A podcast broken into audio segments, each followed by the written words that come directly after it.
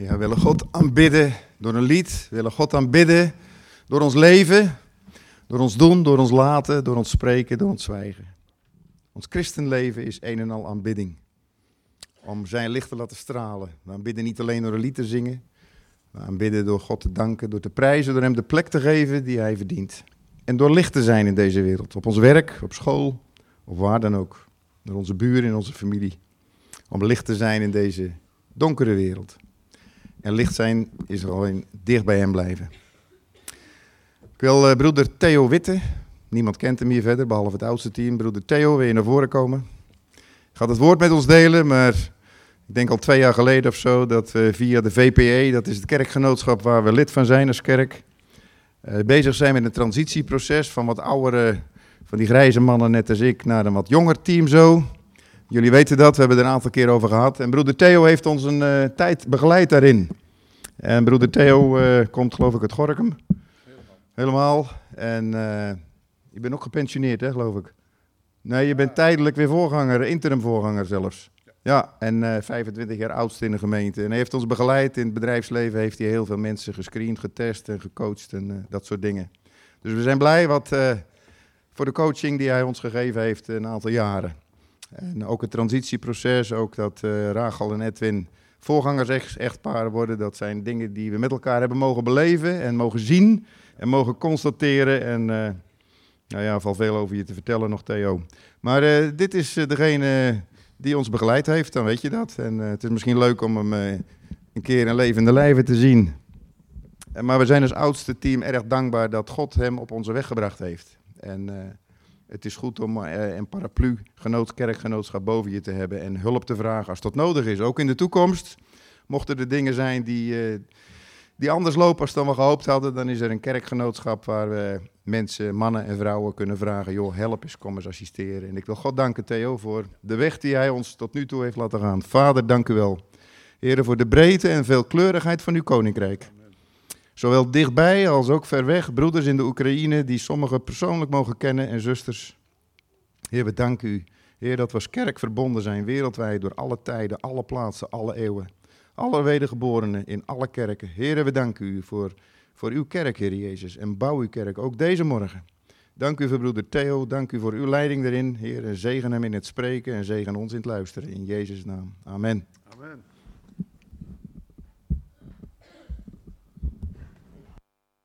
Uh, Gorkum. En uh, samen met mijn uh, lieftallige echtgenote, die is helaas komt niet mee, want die werkt in de zorg. En ja, de zorg gaat ook op zondag door, dus dat, uh, dat doet zij. We hebben vier kinderen, zes kleinkinderen. En ja, gepensioneerd, maar ja, wat is tegenwoordig pensioen? Want in het Koninkrijk van God ga je eigenlijk helemaal niet met pensioen.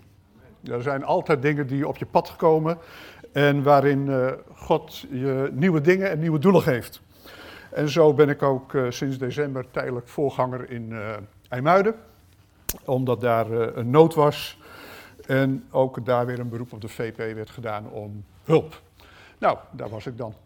Um, ik wil vanmorgen met u spreken over een, een bepaald onderwerp, wat niet al te vaak in een kerk aan de orde komt. Maar daar ga ik u zo wat uh, iets meer over vertellen. Maar ik wil u eerst de plaats van harte feliciteren met, uh, met uh, afgelopen 13 februari. Waarin jullie met elkaar gebeden hebben voor jullie nieuwe voorgangers, echtpaar Edwin en Rachel.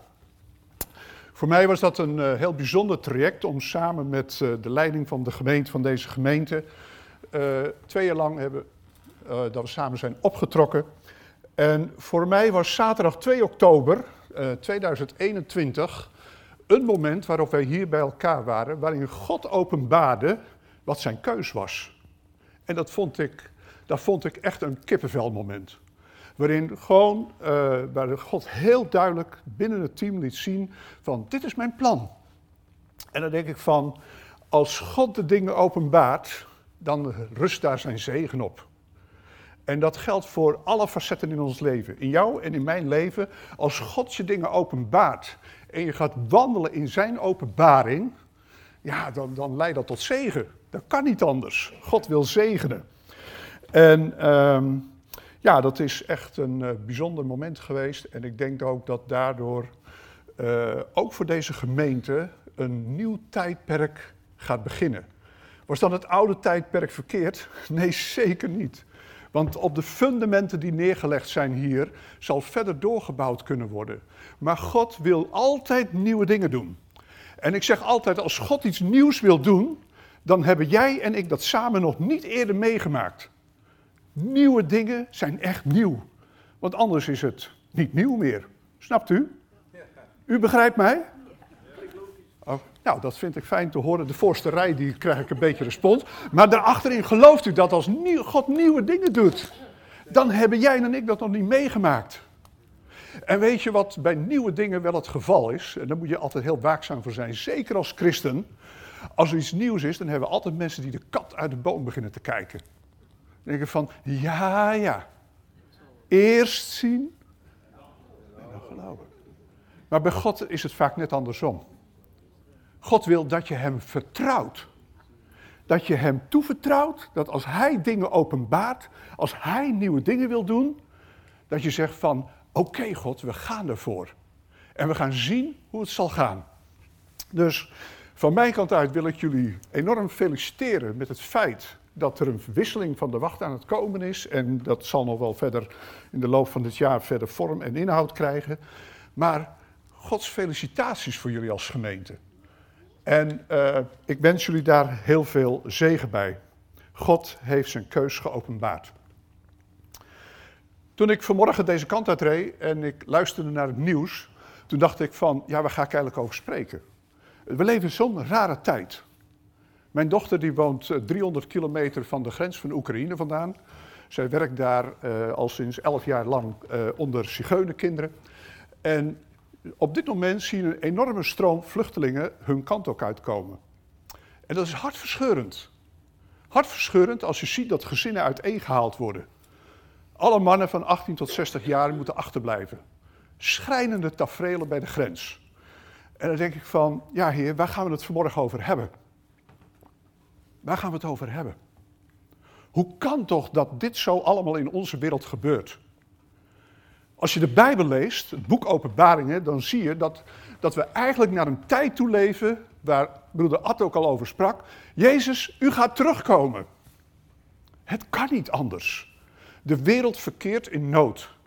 Hebben we net vandaag of uh, afgelopen vrijdag corona massaal de deur uitgezwaaid. En hier in Brabant en Limburg nog met veel geweld en tamboerijnen en weet ik veel wat allemaal meer. Maar we hebben er afscheid van genomen en het volgde dient zich alweer aan. En ik kan u één ding zeggen. De ontwikkelingen in deze wereld gaan steeds sneller. Gaat steeds sneller. We zijn nog niet van het ene bijgekomen en het volgende is er al. En wat doen wij als christenen? Wat doen wij als christenen? Hoe staan we erin? Ik weet van mijn ouders dat in de tijden van de Tweede Wereldoorlog in dit land de kerken mutvol zaten. Omdat we weer God zochten. En dat is eigenlijk denk ik ook waar ik vanmorgen met u over wil spreken. Het thema boven mijn preek is: Wie lof offert, eert mij. Psalm 50, vers 23. Wie lof offert, eert mij, zegt God. En vandaag wil ik daar eens met u over stil, bij stil blijven staan. En dat we gaan bezinnen wat het betekent om lof te offeren aan God. Lofoffer bestaat uit twee componenten. Het ene is lof, het brengen van eer, het brengen van aanbidding. En het andere is het offer. Een offer is niet zomaar iets, een offer kost je iets. Een offer is niet vrijblijvend. Lof offert. Wie lof offert, zegt God in het woord, eert mij. En ik ga het met u hebben vandaag ook over financiën. Oh, dat is een heikel onderwerp in de gemeente. Je mag over alles spreken, als je maar wel van mijn portemonnee afblijft. Dat mag allemaal. Hebben we bij ons in de gemeente wel eens een keer gedaan van, uh, vlak voordat we het offer aankondigden, wil je je portemonnee uit je broekzak en uit je damestasje halen en wil je je portemonnee eens aan je buurman of buurvrouw geven en mag die uit jouw portemonnee nemen en dat in de collectezak doen?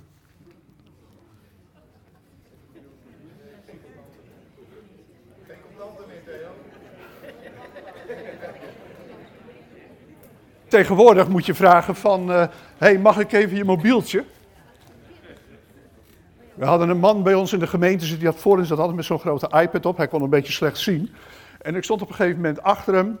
En uh, hij was met uh, een bankopdracht was hij bezig om de collecte over te maken.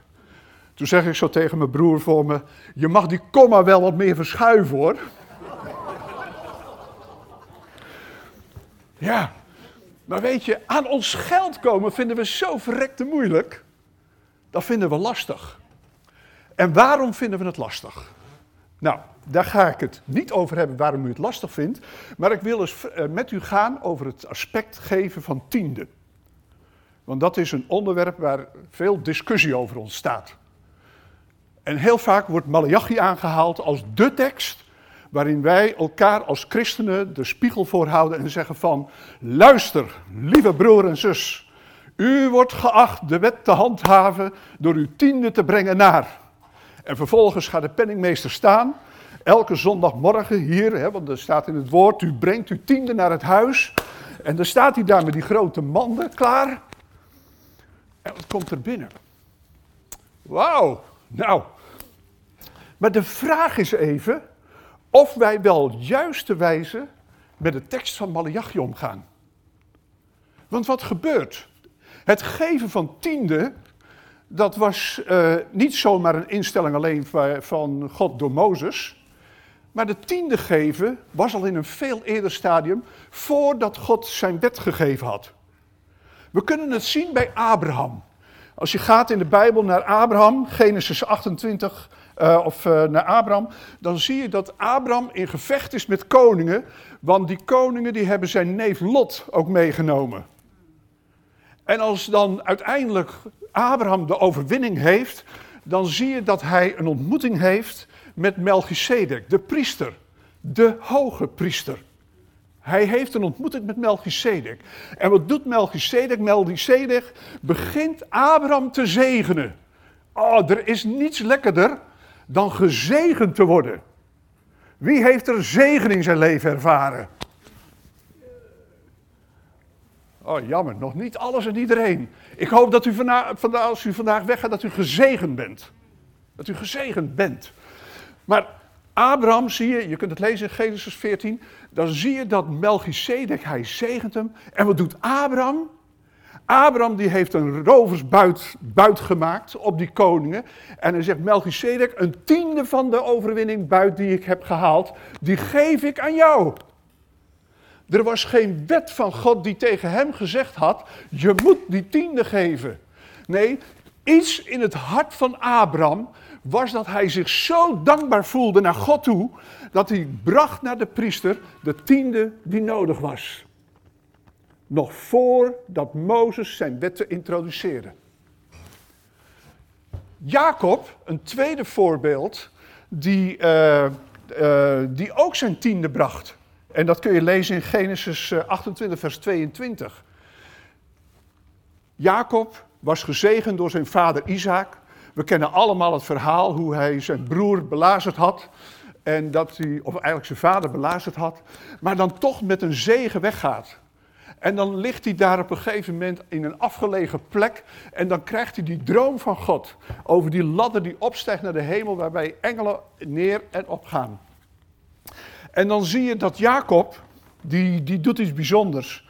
Die zegt, uh, uh, alles God wat u mij gaat geven, dat zal ik aan u geven. Zeker, ik zal het tiende deel zal ik geven. Dit was het hart. Het hart van Jacob. Het had niks met een wet te maken. Het had niks met de verordening van God te maken op dat moment. Dus dat is goed om te realiseren dat het geven van deze tiende, zoals Abraham en Jacob deed, een hartekwestie was. En dan komt God met Mozes. Dan is het volk is bevrijd en gaat op weg. En wat zegt Mozes dan? Wat zegt God tegen Mozes? Mozes, ik wil dat je een volk voor mij apart zet. Het waren de Levieten. Het waren de priesters. Volgens de wetten die je kunt terugvinden in Deuteronomium, dan staat er dat zij nog eigendommen hadden, nog enig ding hadden. Zij leefden volledig afhankelijk van datgene wat hen gebracht werd. Maar waar waren die levieten voor? De levieten waren er om de lofoffers te brengen aan God. Om te dienen in de tempel. Om zo hun, hun werk te kunnen doen voor het aangezicht van God. Zodat God 24 uur per dag, 7 dagen in de week, dat er geëerd en God aanbeden werd. Tot eer van zijn naam. En als God aanbeden wordt, dan zal God ook zegenen.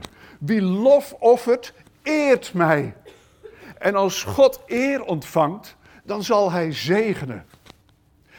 En dan kom je uit bij Malachi. Wat zie je bij Malachi? Daarvoor, die tekst, die prachtig mooie tekst, die gaat dan over dat geven. Dan zie je op een gegeven ogenblik dat je daarvoor eens even moet lezen.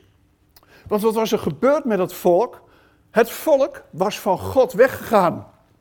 Het volk had niet meer datgene gedaan wat God vroeg. En dat betekent dat levieten ook niet meer volledig in hun bediening naar God toe konden staan. Dus wat werd er eigenlijk geroofd? Gods eer werd geroofd. God werd niet meer geëerd zoals hij geëerd wilde worden. En God kan dan ook niet zegenen. Als er geroofd wordt, kan God niet zegenen. En dan, dan, dan zie je dat, dat, dat, dat Malachi daar iets over zegt. Hij zegt dat je moet terugkeren naar het hart van God. Dat je weer terug gaat keren naar een hart van aanbidding. En als je dat doet, terugkomt in een hart van aanbidding, wie gaat er dan eer ontvangen? Dan ontvangt God alle eer. En als God de eer ontvangt, kan God gaan zegenen.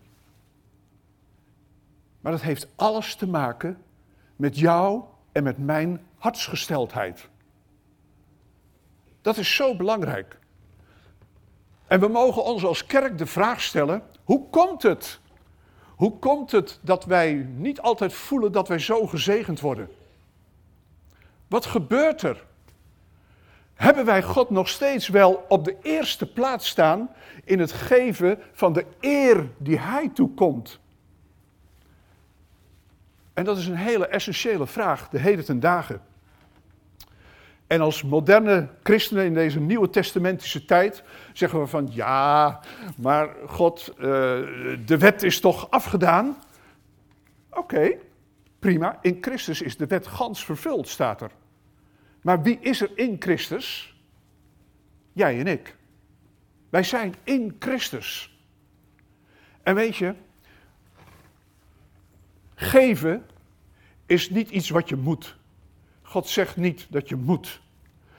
Weet je, onze God, hè, die is zo super modern. Zo modern, lieve mensen.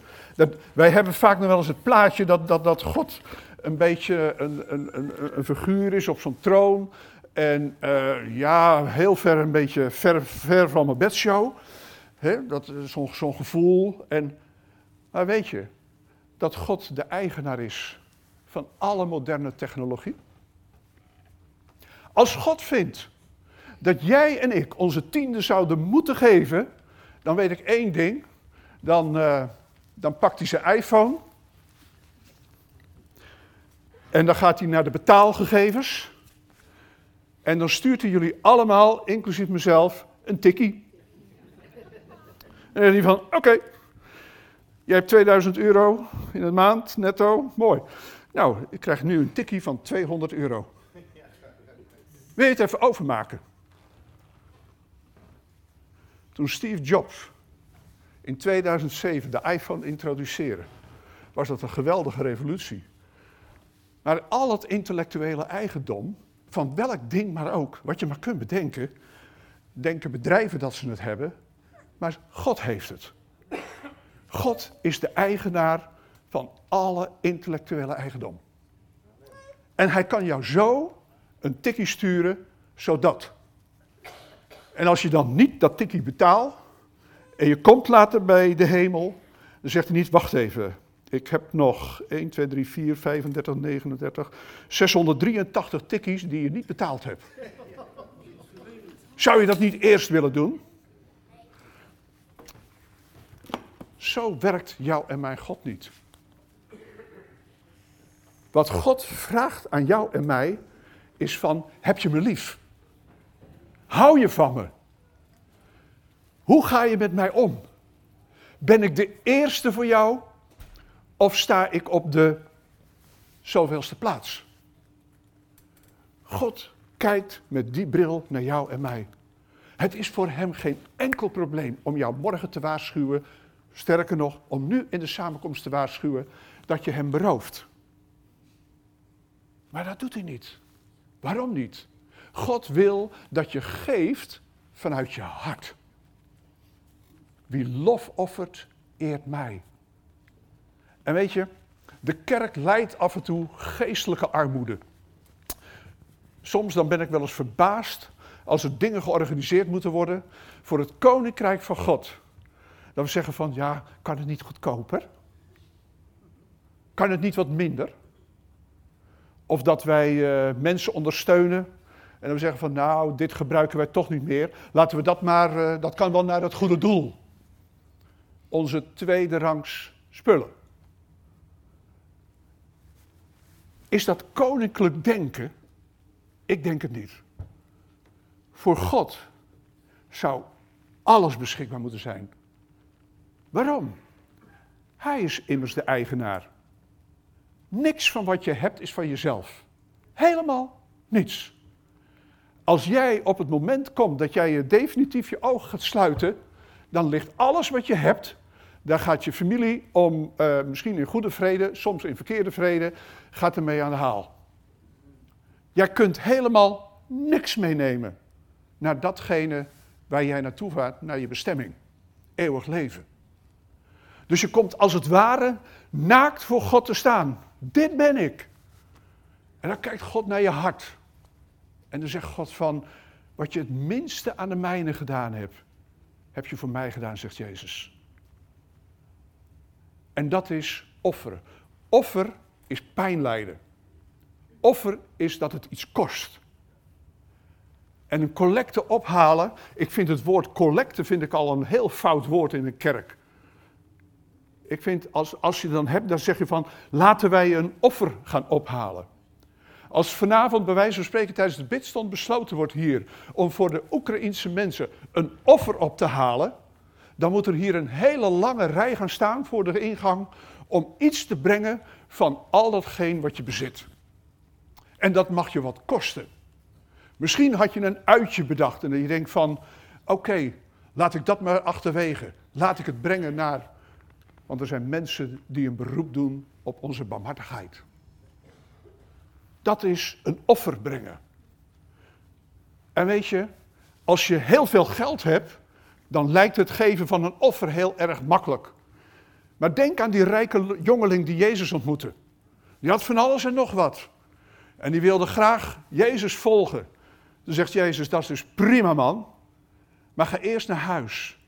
Verkoop alles wat je hebt, deel het uit aan degenen die niks hebben en kom dan terug en volg mij.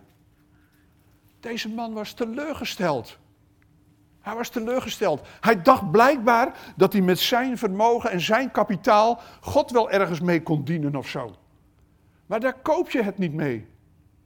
Als Jezus bij de, offer, eh, bij de offerkist zit en de fariseeën en de schriftgeleerden komen en misschien wel heel demonstratief dat geld zo in die pot doen. Hé hey, Jezus, ziet u het? En dan komt daar van achter uit de zaal die weduwe. Die leeft in armoede. En een paar van die koperen muntjes heeft. En ze loopt naar voren, naar Jezus toe. En, en ze doet die twee muntjes in die offerkist.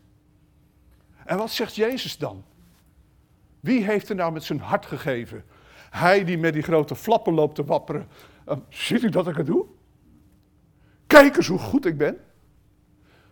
Of die weduwe die van achteren komt en bij de offerkist haar levensonderhoud in deze kist deponeert. Dat is een offer brengen waar God naar kijkt.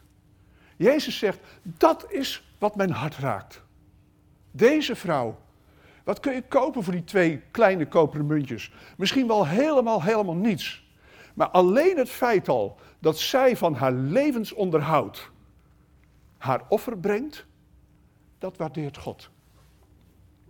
En als wij praten over een offer, dan moeten wij hierover nadenken.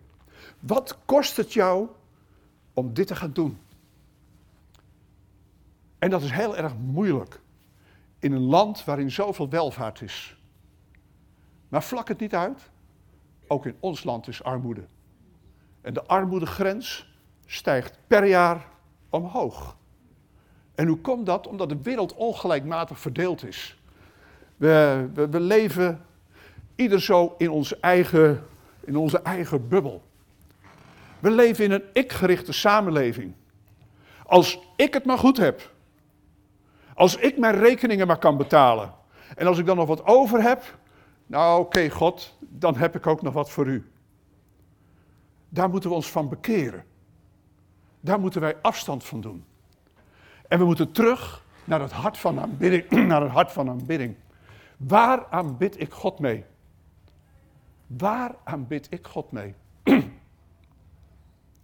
Echte aanbidding is niet op zondagochtend een aantal liederen zingen. Dat is prachtig mooi. Dat is lof brengen aan God. Maar aanbidding, een leven van aanbidding, is een hartezaak. Wat doe ik op maandag? Hoe kijkt de wereld naar mij op dinsdag? Wat kan woensdag van mij verwachten? En hoe ziet mijn donderdag eruit? En mijn vrijdag? En hoe is het het weekend? En hoe kom ik hier naar de samenkomst? Hoe ben ik voorbereid als ik kom? Ben ik druk met mijn eigen business en al mijn eigen dingen, mijn sores, mijn ellende, mijn blijdschap en alles wat er is? En kom ik hier dan? En wat verwacht je dan? Wat verwacht je dan van God? God zegt, wie lof offert, eert mij. Als wij komen op zondag, in de samenkomst, in het huis van de Heer, dan ben je voorbereid. Dan ben je voorbereid in afwachting van. En weet je, aan het eind van een samenkomst zou je aan ieder moeten vragen van, hey, wat heeft God gedaan in deze samenkomst voor jou? Hoe ben jij aangeraakt? Door welk lied, door welk woord ben jij bemoedigd? En niet zeggen, ah, oh, die spreker was zo fijn, dank u wel alvast. Maar, maar het gaat om, wat heb ik mee? Wat neem ik mee naar huis? Welke hoop, welke verwachting neemt u mee naar huis als je de dienst gehoord hebt? Misschien heb je helemaal niks aan deze preek. Dat is dan jammer. Maar misschien heb je vanmorgen een lied gehoord waar je mee naar huis gaat. En waar je thuis komt en dat je dat lied nog neuriet. Van Hij is mijn God. Hij is mijn Heer. Hij is mijn redder. Hij is mijn heiland. Dat zijn allemaal woorden van proclamatie waarmee je God lof offert en God eer brengt. En als je dat doet, dan verandert je leven. Als je samenkomst zo is dat je over deze dingen gaat nadenken. Als je naar huis gaat en zegt van, waar ben ik door God geraakt? En misschien zeg je deze morgen, ik ben helemaal niet geraakt. Ik heb helemaal niks ervaren. Ik heb wel eens, uh, hoort wel eens uh, mensen na afloop van een dienst zeggen, oh, dat was zo'n zalving, broeder. En soms zat ik in een dienst en dacht ik van, uh, we hebben toch wel naar dezelfde dienst gekeken en geluisterd en gedaan. Ik heb het niet zo gemerkt. Dat kan. Maar God wil ten alle tijden iets doen. Alleen, hij vraagt aan jou en mij, sta je er open voor? Hoe kom jij? Met welke verwachtingspatroon ben je hier? En wat hoop je van Hem te mogen ontvangen? God wil jou zegenen. God wil deze intimiteit met jou hebben, dat jij Hem lief hebt. En dat je zo gaat zien dat als God jou zegent, dat jij daar anderen ook weer mee laat delen. Dat heet het vermenigvuldigen van een zegen die jij en ik ontvangen. Zegenen is zo hoopvol. Als u straks naar huis gaat en broeder Ad de zegen uitspreekt, dan, dan, dan, dan gaat u met iets kostbaars naar huis. U gaat iets naar huis van het liefdehart van de Vader. Daar gaat u mee naar huis. U gaat naar huis met de zegen van genade van Jezus Christus, zijn Zoon. U gaat naar huis met de krachtige werking van de Heilige Geest die in je woont. Sommige mensen vragen zich af, ja de Heilige Geest dat is een beetje een, eh, moeilijk iets. Hallo, toen je wederom geboren werd, was, werd, kreeg je naast jouw redding, naast jouw bekering, naast jouw verlossing, een prachtig mooi cadeau van God mee. Namelijk, zijn Heilige Geest kwam in je wonen. Kan ik een amen horen? De geest van God woont in jou. Er is zo'n prachtig mooi lied. Laat dit huis gevuld zijn. Laat dit huis gevuld zijn. Een huis van aanbidding. Een huis met wierook. Een huis met kleuren. Oh, met kleuren en van alles en nog wat. Laat het huis gevuld zijn. Weet je wat je dan eigenlijk zingt? Je zingt over je eigen huis. Je eigen huis. Dat God wil vullen met zijn geest, met zijn heerlijkheid, met zijn tegenwoordigheid. In alle facetten wil hij in dat huis van jou wonen. En weet je, als je dat gaat beseffen, dat de geest van God in je woont. En dat het God is die jou heeft uitverkoren om mede-erfgenaam te worden met zijn zoon. Ah, mensen, dat is gaaf. Dat is top. Weet je, we hoeven niet moeilijk te doen. Als God tegen Jezus zegt in Johannes: Al het mijne is voor jou. En dan zegt Jezus: En alles wat van mij is, geef ik aan. Geef ik aan? Aan jullie. Aan mij. En niet een klein beetje. Jezus kreeg niet een klein beetje van zijn vader. Jezus kreeg alles van zijn vader. Alles. En Jezus wil jou ook alles geven. En dan hebben mensen hun verlanglijstjes. Van nou heer, als dat zo werkt, dan heb ik nog wel wat. Maar vergeet één ding niet. Het gaat om, wat is de wil van God voor jou? Wat wil God in jouw leven? Weet je, als het gaat over het geven van, dan zeg ik van, jongens, dan hebben we echt nog wegen te gaan met elkaar. Als kerken in Nederland ook. We hebben echt wegen te gaan. Maar weet u, in wat voor tijd leven we? We leven in een angstige tijd.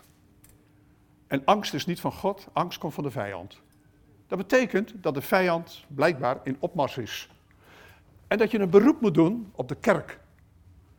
Dat je een beroep gaat doen op de christenen. Maar dat kan wel, maar dat kan alleen maar als wij als christenen ons beseffen dat als wij Hem de lof en de eer geven, zal Hij met onze vijanden afrekenen. Dat is wat Hij doet. Als wij Hem de eer geven, zal Hij met onze vijanden afrekenen. Weet je, en dan gaat geven zomaar een heel andere gedachtegang krijgen dan dat iets moet. Nogmaals, God kan je zo een tikkie sturen. En dan schrik je misschien van het bedrag wat hij vraagt van je. maar God doet dat niet. God zoekt jouw hart. God zoekt de harten van de waarachtige aanbidder. Dat is wat hij zoekt. En weet je, wij hebben een missie. Als Jezus bijna ten hemel gaat, dan zegt hij een paar belangrijke dingen tot zijn discipelen. Wat moeten ze gaan doen? Ze moeten heen gaan en ze moeten discipelen gaan maken. En wat ga je die discipelen vertellen? Wat ga je die nieuwe mensen vertellen? Als u de deur, hè, jullie hebben een prachtige naam voor de kerk, Open Deurkerk Steenbergen. Een open deur. Maar wat gaan de mensen ontmoeten als zij hier binnenkomen? Gaan ze dan werkelijk de openheid van jouw hart naar God toe ontmoeten? Of hebben we toch onze eigen agenda ook nog? De vraag is van waar staan wij voor open? Wat willen wij gaan doen? En weet je, jullie gaan als gemeente een nieuwe tijdsfase in. En ik zie hier wel nog een aantal lege stoelen. Maar misschien moeten jullie wel naar vijf diensten op een dag. Hoeveel mensen wonen er in Steenbergen? Hoeveel mensen kennen Jezus als hun redder, als hun verlosser, als hun zaligmaker? Hoeveel mensen in deze omgeving van Steenbergen lopen er niet met grote noden rond? En weet je, dan is het belangrijkste zaak is dat de kerk zich eigen gemaakt heeft om God op de eerste plaats lof te brengen, een lofoffer te brengen, opdat het werk gedaan kan worden. Toen de levieten bezoldigd werden door de mensen die hun offers kwamen brengen, kon God eer ontvangen en kon Gods werk zich uitbreiden. Als wij met elkaar God echt vanuit ons hart lof gaan offeren en eer gaan brengen, dan zal Gods werk gestalte gaan krijgen meer dan je kunt bedenken. En dan gebeuren er dingen waarvan jij niet weet. En dat is een belofte. Een belofte die God wil geven aan jou en mij. Maar laten we er als gemeente voor hoeden en waken dat wij Hem eren op de allereerste plaats. Geef God niet de restanten van je leven. Ik zou bijna zeggen, daar krijg je spijt van. Maar geef Hem alles wat Hem toekomt. En stel je kwetsbaar op. En durf het avontuur aan. God zegt, beproef mij. Beproef mij eens. En ik ken genoeg verhalen van mensen die zich uh, die hebben gegeven en die op een bijzondere wijze gezegend zijn. En dat is zo kostbaar. Ik heb veel bewondering voor mensen die huis en haard verlaten om, om, om te gaan dienen in het koninkrijk van God. En niet weten hoe ze misschien morgen aan geld moeten komen, maar dat ze hun geloofsvertrouwen op Hem stellen. En als je je geloofsvertrouwen op Hem stelt, dan eer je God. Dan eer je Hem. Want je vertrouwt Hem. Hij is de eerste voor je. En dat is zo essentieel in het leven van elk kind van God. Om Hem te vertrouwen. En als je dat niet durft, dan daagt God je uit. Ook vandaag, beproef mij. Doe het eens. En ga eens zien wat er gebeurt. Je zult versteld staan. Verrast. En weet je, dan is er een, dan is er een geweldige zegen. Ook zeker voor dit huis. Jonge mensen zijn hier opgestaan in de gemeente om de gemeente te willen dienen. Toen ik bij uh, die 2 oktober hier was en ik hoorde Edwin en uh, Rachel praten over hoe zij keken naar datgene wat God wilde doen in hun leven, toen was het voor mij, want dit is dienstbaar opstellen. Niet afhankelijk zijn of willen zijn, ze hadden van jullie nog helemaal geen garantie dat het allemaal goed zou komen. Maar alleen al de stap en de keuze die ze maakten om te zeggen van, Heer, hier zijn wij. Dat was voor hun een stap. En daarmee moesten zij offers brengen. En dat hebben ze gedaan. En ze hebben nog een weg te gaan, samen met de andere jonge leiders hier in deze gemeente. Ze hebben een weg te gaan. Maar hebben we met elkaar niet een weg te gaan? Zijn wij samen niet verantwoordelijk voor dit geheel? En dan mag je een beroep doen op alles en iedereen van dit huis. En God zal gaan zegenen. Als jullie leiders jullie voorgaan in het dienen van God. En daarmee Gods lof en Gods eer toonbaar maken aan deze wereld. Lieve mensen, dan kan ik één ding zeggen. Dan zult u met z'n allen zo gezegend worden. Dan zult u getuige zijn van datgene, van de oogst die binnen gaat komen. Het lofoffer genereert ook een oogst. Een oogst die weer leidt tot dankzegging aan God toe. Want het is niet jouw en mijn werk, maar het is zijn werk. Zijn werk door jou en mij heen. Daarom is het zo essentieel om te bidden voor de leiders van je gemeente. Om dankbaar te zijn voor je leiders van de gemeente. En maken leiders fouten? Oh, gewis en zeker. Als ik nadenk over mijn fouten in eh, de tijden die ik heb mogen dienen, dan zeg ik van, oh, dan had ik hier niet meer kunnen staan. Maar weet je, zijn genade is zo groot. Maar ook zo belangrijk dat je mensen om je heen hebt die zeggen van, ook al ben je gevallen in je probleem of wat dan ook, hij is groter. Hij richt op en hij neemt je weer mee. Als een kind leert fietsen, dan donderstraalt hij regelmatig van zijn fiets af. En dan komt hij met die geschaafde knieën, oh, blerend naar zijn moeder toe. Of naar zijn vader. En wat doet een vader? Die pakt dat kind op en zegt, kom maar. Zullen we er misschien zijwieltjes aan maken? Dan kun je, ben je wat stabieler. En misschien doet God dat ook wel in leiderschap. Zal ik je hulp geven naast je, zodat je wat stabieler kunt zijn. En dat is zo mooi om te zien. Dat God voor je zorgt.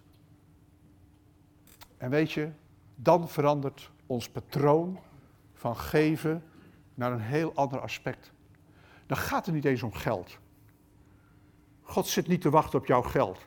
Want ja, al het goud, al het zilver, alle bitcoins, alle noemen ze maar op, allemaal van Hem. Het is al van Hem. Maar God verwacht ook dat je geeft vanuit je hart een lofoffer aan Hem. Amen. Dat is wat Hij verwacht. En ik hoop dat Steenbergen een plaats meer en meer gaat worden dan ooit, waarin mensen zullen toestromen. Mensen zullen toestromen, omdat ze zien dat dit een kostbare plaats is. Dat deze plaats, de Open Deurkerk, een bronplaats is waar lof gebracht wordt, een lofoffer gebracht wordt aan Hem. En dan zullen de zieken komen. Dan zullen de gebonden mensen zullen gaan komen.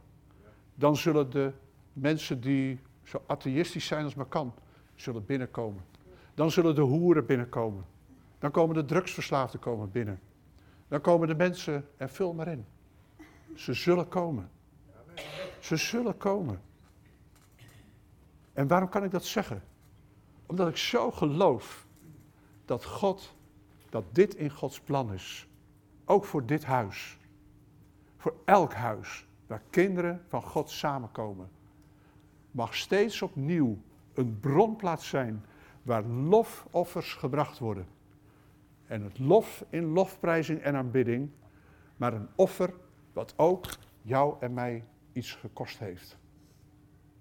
Zullen we met elkaar gaan staan?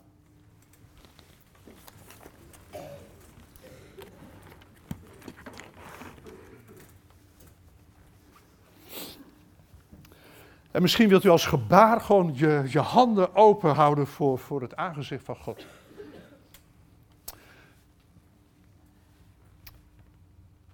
Vader in de hemel, wij zijn hier deze morgen bij elkaar. Voor uw aangezicht.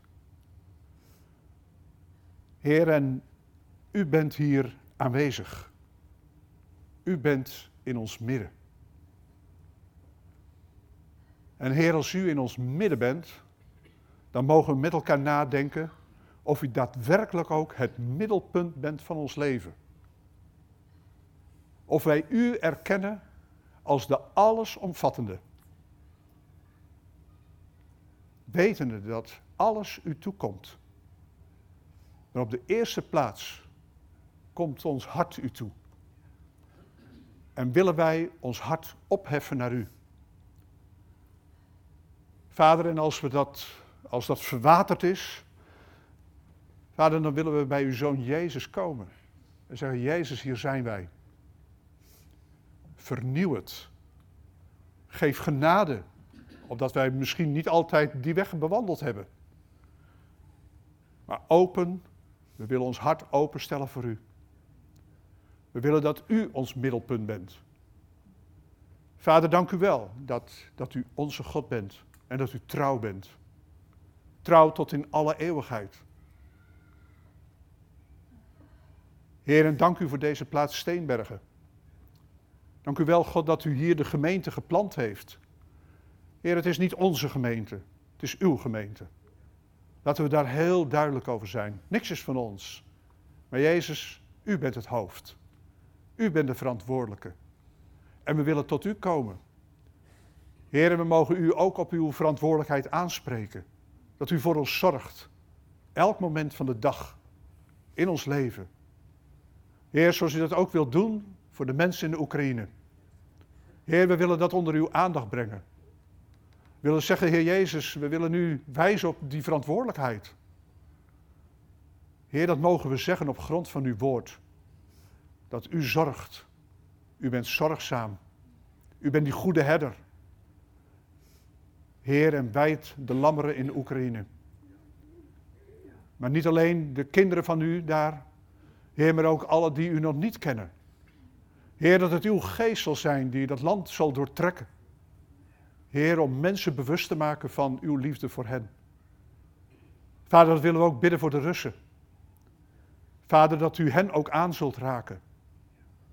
Heer, ik wil bidden voor Poetin, Vader, Heer, dat hij aangeraakt mag worden door u. Dat zijn ogen geopend zullen gaan worden. Heer, dat de vijandelijke macht die in hem leeft, Heer, doorbroken zal worden in Jezus' naam. Heer, dat zijn gedachten veranderen zullen. Wij bidden voor hem. Heer, we bidden ook voor Zelensky, vader, dat hij de moed weet eh, vol te houden. Heer, om te strijden voor zijn volk. Heer, dat hij zijn hart zal richten op u. Ik weet niet of hij een christen is, maar vader, we willen bidden voor hem.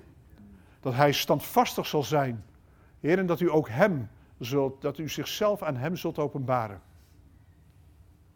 Zoals u ook u aan ons wil openbaren. Deze morgen, deze dag. Heer, geef nieuwe openbaringen in dit huis. Maak nieuwe dingen, o God. En laat ons daar enthousiast over zijn. Over datgene wat u wilt doen. Heer, dat wij u zullen lof offeren. Dat wij u zullen eren. Zoals de psalm dat ook schreef. Wie lof offert, eert mij. En vader, beleiden met elkaar dat u de eer komt, toekomt. U als enige. Niemand van ons komt die eer toe. Alleen u. En zo willen wij u aanbidden. Zo willen wij u dank zeggen voor al hetgeen wat u ons reeds gegeven heeft. Heer, maar maak vrij in ons een geest van vrijmoedigheid. En geven, het geven van, is zo'n zegen. Dat geeft vreugde en dat geeft dankbaarheid. Heer, dank u wel daarvoor. In Jezus' naam. Amen. Amen.